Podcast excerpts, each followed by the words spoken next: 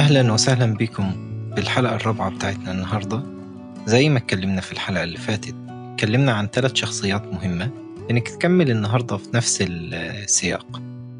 عندنا اتكلمنا المرة اللي فاتت عن أحيحة بن الجلاح واتكلمنا عن هاشم. بنكمل النهاردة بعض الكلام عن هاشم وبنستطرد كمان عن شخصية عبد المطلب.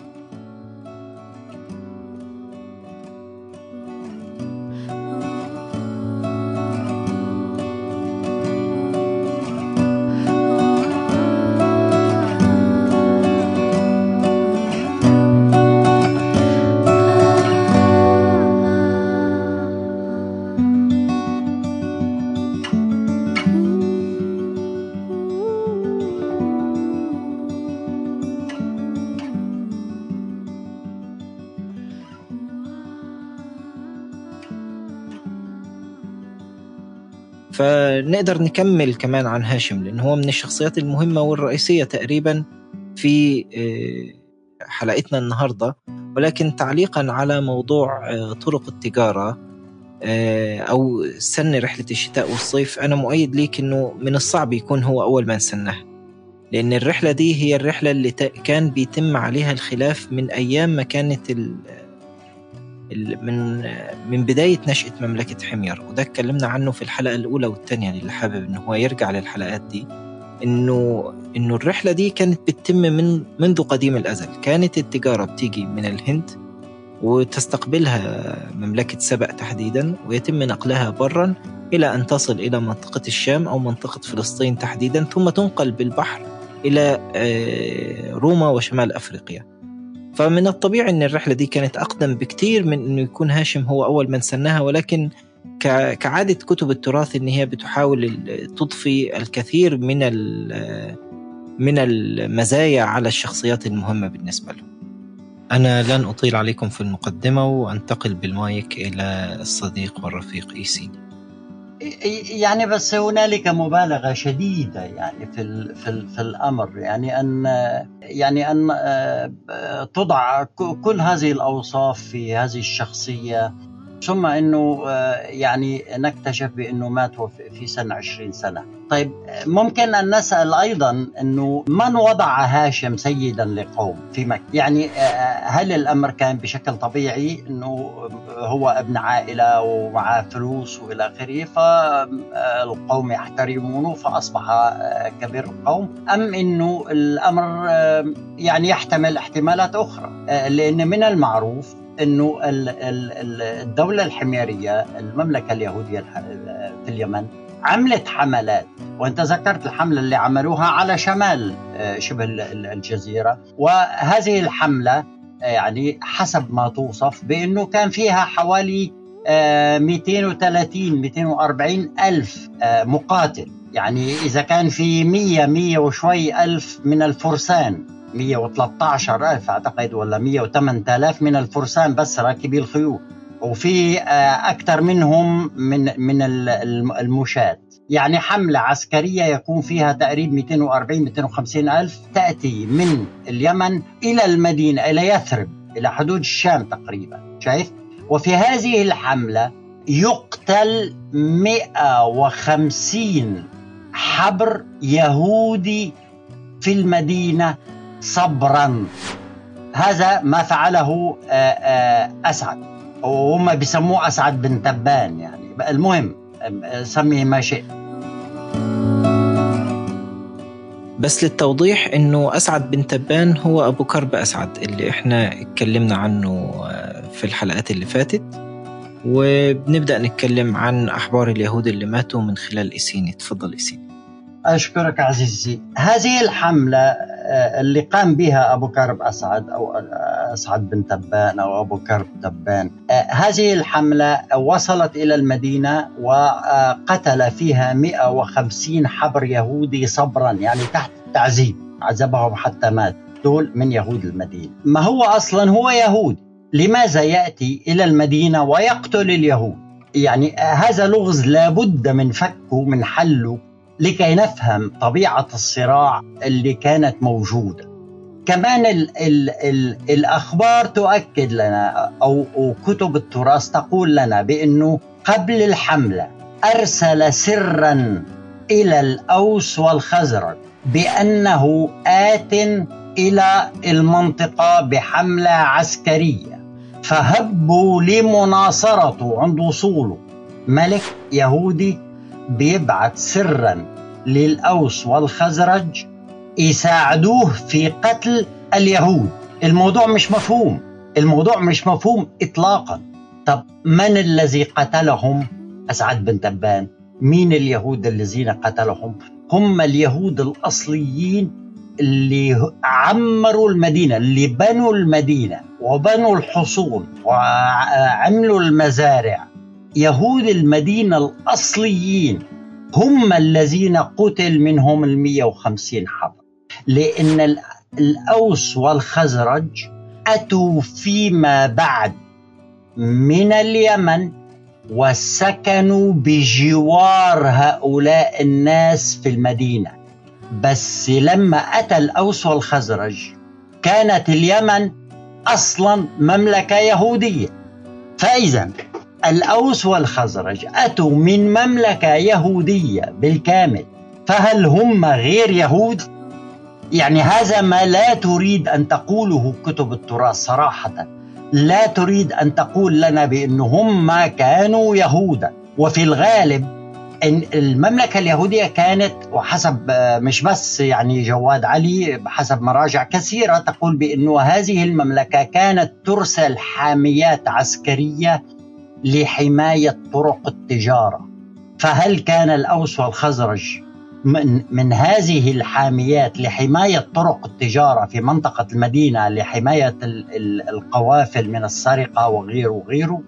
قد يكون هذا ولكن انتمائهم وديانتهم بلا شك إنه كانت اليهودية لأن هم آتيين من مملكة يهودية وتحت رعاية ملك يهودي وكانت المملكة اليهودية تناصرهم.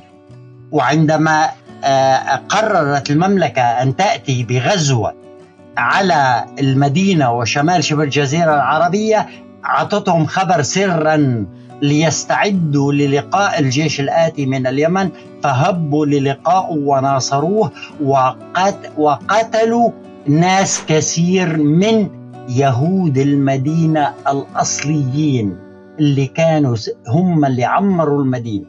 يعني كيف نفهم هذا؟ أنه يهود يقتلوا يهود. لو رجعنا إلى التاريخ اليهودي معلش لو استفدنا في هذه النقطة لأنها بالغة الأهمية بصراحة يعني. لو رجعنا إلى التاريخ اليهودي نجد بأن اليهود فرق دينية متعددة متناحرة مختلفة متقاتلة مش بس إلى درجة التكفير لا إلى درجة الإلغاء والإقصاء تماما والاستئصال.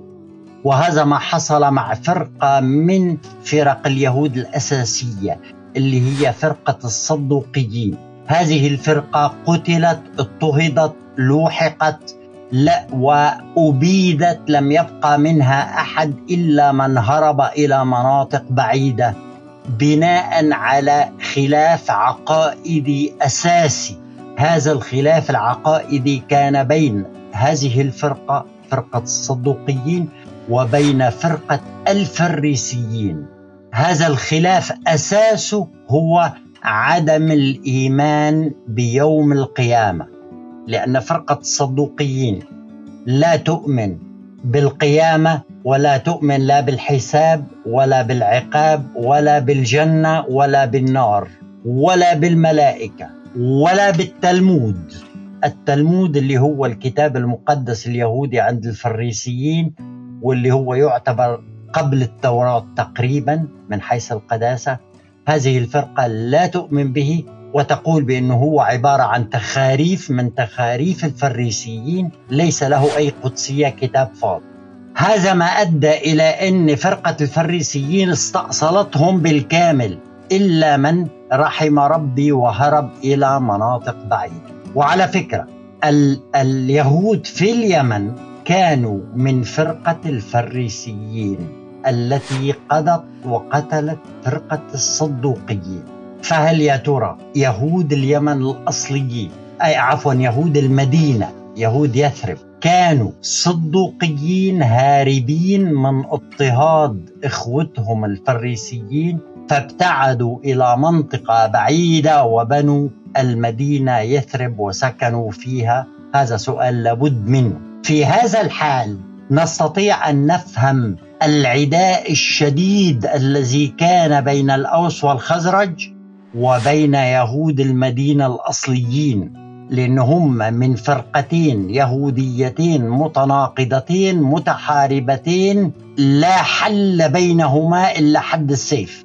هنا نفهم تماما لماذا انضم الأوس والخزرج إلى جيش أبو أسعد في قتل يهود المدينة الأصليين لأنهم من فرقة أو من طائفة مختلفة تؤمن بما لا يؤمنون. تناقضهم في العقيدة. يعني نقيض تماما لأن فرقة الفريسيين العقيدة الفريسية بالأصل تتمحور حول موضوع القيامة. القيامة والحياة الآخرة والحساب والعقاب والجنة والنار وإلى آخره. فهذا المحور الأساسي التي بني عليه العقيدة الفريسية الصدوقيين لا يؤمنون به على الإطلاق ويقولون بأن الإنسان خلقه الله ولكن لا يتدخل في أفعاله والإنسان يعيش يعيش لفترة محددة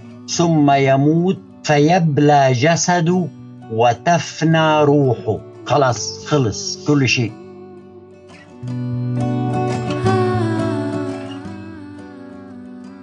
هنا أنا مش حابب نستطرد كتير لأن في على السكجول حلقات مخصصة للفرق اليهودية والمشاكل اللي ما بينها ولكن هنا أنت وضحت بشكل مما لا يدع مجالا للشك ليه أبو كرب أسعد قدر يتحالف مع مجموعة من اليهود ضد مجموعة أخرى. ودي كانت يعني كنا سايبينها لغز للمستمعين للفترات الجاية.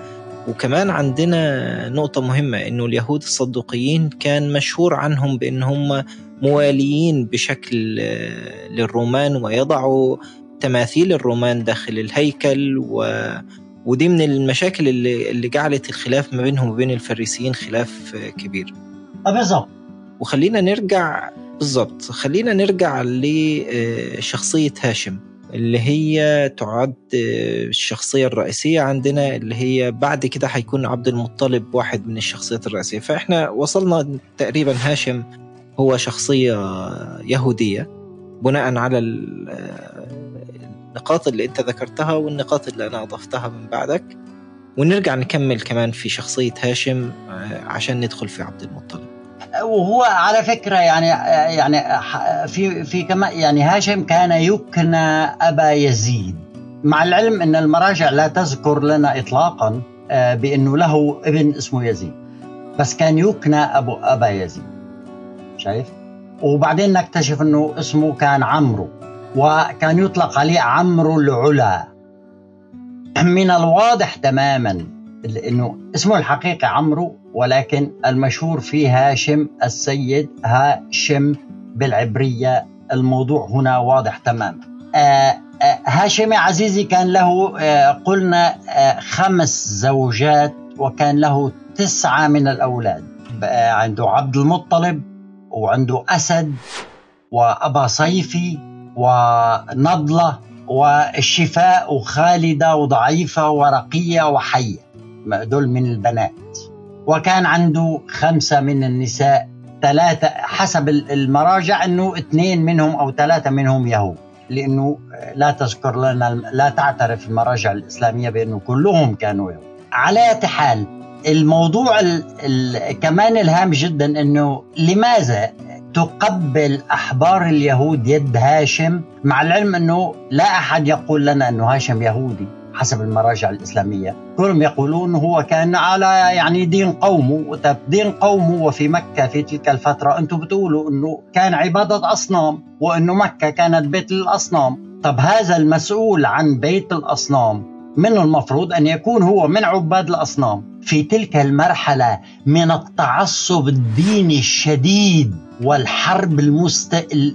ال... يعني المستعرة خاصة بين روما والفرس يعني بين المسيحيين واليهود وخاصة في الجزيرة العربية وفي اليمن هل يمكن ليهودي أن يزوج بناته لعباد أصنام؟ بعدين لماذا أحبار اليهود يقبلوا يدي هاشم واحد عابد أصنام مسؤول عن بيت للأصنام بيت بالكامل لعبادة الأصنام ويأتي أحبار اليهود لتقبيل يديه ويعرضون بناتهم عليه للزواج هل يستقيم هذا الكلام؟ هل نستطيع أن نفهم هذا الأمر؟ يعني كيف نجمع بين المتناقضات؟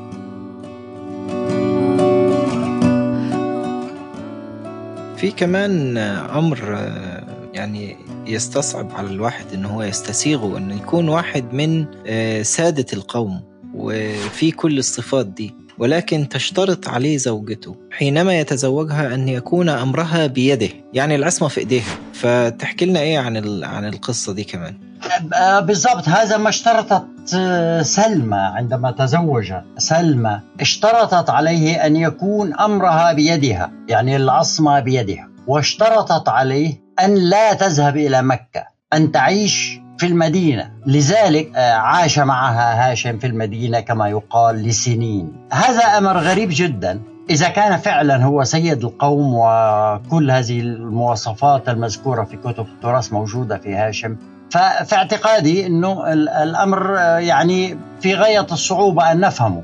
كيف تشترط عليك آه، إحدى النساء؟ هذه الشروط القاسية أنك أنت تترك السقاية والرعاية وتترك قومك وتبتعد عنهم وتسكن في منطقة أخرى وتكون العصمة بيدها هي ليس بيدك أنت. هذا أمر أيضا غير مفهوم ولكن هذا ما تؤكده كتب التراث بأنه اشترطت عليه أن يكون أمرها بيدها. فالله تعالى أعلم يعني. الأمر الخطير في كل هذا الموضوع آه، أستاذ عمر إن كل مراجع التراث تصر على إنه ولد عبد المطلب بعد أن مات هاشم. يعني دخل هاشم على سلمى في المدينة ثم آه، خرج في تجارة له إلى الشام فمات في أرض الشام في غزة. سلمى بقيت حامل في المدينة. بعد فترة ولدت كان هذا الولد هو عبد المطلب. آه ال ال الأمر الهام جدا أيضا أنه زواج هاشم من سلمى آه كان سري. يعني لا أحد من أهل هاشم في مكة يعلم بهذا الزواج. آه لا إخوة لا أبناء ولا ما فيش حد بمكة يعلم. هل يستقيم هذا سيد آه، بهذا الحجم متزوج من ما حدش يعرف؟ يعني هذا لتبرير هذا كله لتبرير قدوم عبد المطلب من المدينة وسنه كبير سنه كبير. لأنه عندما قدم عبد المطلب من من من وحسب الرواية الإسلامية يعني. إنه هو اكتشف صدفة إنه هذا ابن هاشم يعني ما حدش يعرف. ولكن كان يضرب بالنبل وكان عندما يصيب الهدف يقول أنا ابن عمرو العلا. وهاشم كان يلقب بابن عمرو العلا. فسمعه أحد الناس من مكة آه، كان في المدينة. فعندما عاد إلى مكة أخبر أبناء وإخوة آه، هاشم أخبرهم بانه لهم ولد في المدينة وسمعه يقول فذهب عمه إلى المدينة وفي إحدى الروايات تقول بأنه أخذه من الشارع يعني زي خطف خذوا من الشارع حطوا وراه في على الناقة وذهب في إلى يعني عبد المطلب قدم إلى مكة وهو كبير. ولا أحد أصلا يعرف بأنه هذا ابن هاشم. يعني هل الرواية التي ترويها كتب التراث منطقية أنه واحد بيضرب بالنبل إذا صاب الهدف يقول أنا ابن عمرو العلا؟ فيكون هذا دليلا قاطعا على أن هذا الولد ابن هاشم في منطقة أخرى تبعد مئات الكيلومترات فيأتي عمه ويأخذ ليستلم تركة أبيه يعني هل هذه الرواية تستقيم؟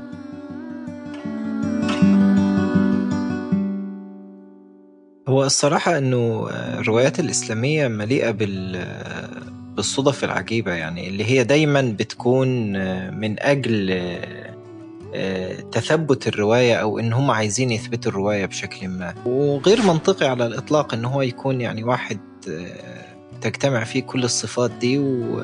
ولكن بنرجع ونقول إن هي ليها علاقة بعملية النسب اللي كان اللي كان فيه مشكلة أصلا يعني من الأول يعني. يعني هو على ما يبدو عفوا المقاطعة يعني على ما يبدو أنه اختير أحد يهود المدينة لكي يكون حاكما في مكة. فهذا كان عبد المطلب فأخذوه وحطوه حاكم لمكة. الرواية حبت أن تنسب إلى هاشم ليكون يعني له أصل في مكة. أنه هو ولد واحد من مكة يعني هو مش غريب. بس الأمر واضح تماما. أنك أنت أتيت برجل تقريبا مكتمل ووضعته حاكم على مكة. هو يهودي قادم من منطقة أخرى. ونسبته إلى أحد مشاهير مكة. بالضبط. ومع ذلك ومع ذلك لم يقبله أهل مكة. لأنه عندما اختلف مع واحد من أعمامه حسب الرواية الإسلامية أيضا نجد بأنه لا أحد في مكة ناصره إطلاقا. حتى أنه أرسل رسالة إلى أخواله فأتت النصرة من المدينة من يهود المدينة بعثوا ب ب 100 ومش عارف وسبعين ولا سبعين أشوف لك الرواية بالضبط العدد من المسلحين وبالسيوف وبغيره قدموا وأجبروا عمه على التنازل عن الأرض. وناصروا عبد المطلب. يعني عملوا حالة رعب في مكة.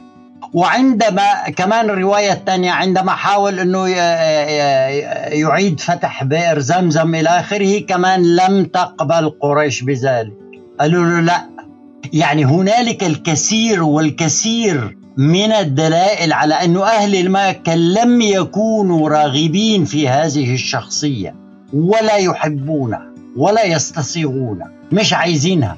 ولكن من الواضح تماما أنها كانت مفروضة عليهم بالقوة. واضح تماما أنه كانت مفروضة. وتذكر حتى أنت روايات حصار الحصار في شعب أبي طالب.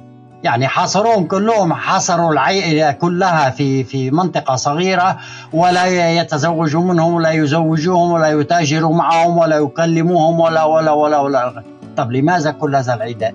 الواضح تماما أن هذه العائلة كانت مفروضة فرضا على أهل مكة بقوة السلاح. طب من الذي يستطيع فرض ذلك؟ أليس ال- ال- الذي يفرض حكام المناطق والمسؤولين عنها هي المملكة القوية اليهودية الموجودة في اليمن؟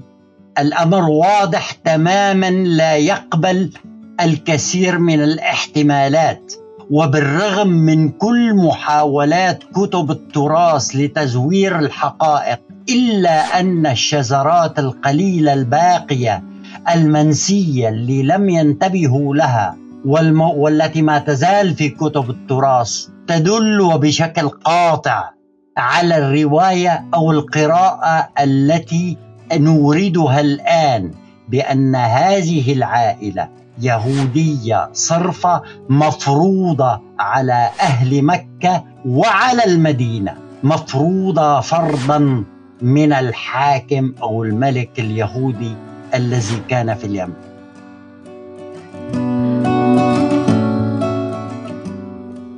وزيدك من الشعر بيت كمان أنت عندك محمد استمرت دعوته في مكة لسنوات طويلة ولم يؤمن به أحد يعني لو كان هو من أسياد مكة ومن الناس المقبولين في مكة كان الأمر اختلف يعني طريقة الإيمان به اختلفت زي ما هو يعني سافر من مكة راح إلى المدينة فاستقبلوه فاتحين يعني وآمن أهل المدينة بشكل غريب برضو اللي لسه مش قادرين نفهم يعني. ده ده حنتكلم عنه في الحلقات الجاية. وزيد زيد عليه كمان في في حديث نبوي يقول إنه أمرت أن احرق أن أحرق أهل مكة. أمر أن يحرق أهل مكة. شوف يعني مدى الحقد على أهل مكة. إذا كان صحيح دول أهلك وناسك كيف يكون هذا؟ يعني الأمر واضح تماما ولكن آه، للأسف يعني آه، آه، يعني لا أحد يقرأ أولا. وثانيا للأسف أنه عندنا ملايين من الصفحات في كتب التراث فالناس معذورة. يعني ماذا ستقرأ؟ أنت لو قضيت كل حياتك قراءة في كتب التراث الإسلامي لا تستطيع أن تنتهي منها لأنه ملايين صفحات.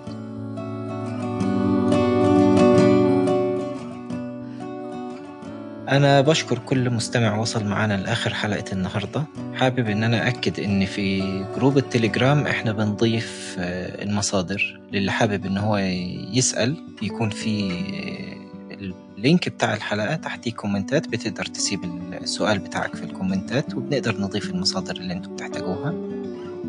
وحابب إنه آه، لو في حد من دوائركم الاجتماعية مهتم بإنه هو يسمع موضوع زي كده بكون شاكر ليك لو انت بعت له الحلقة وشكرا لكم.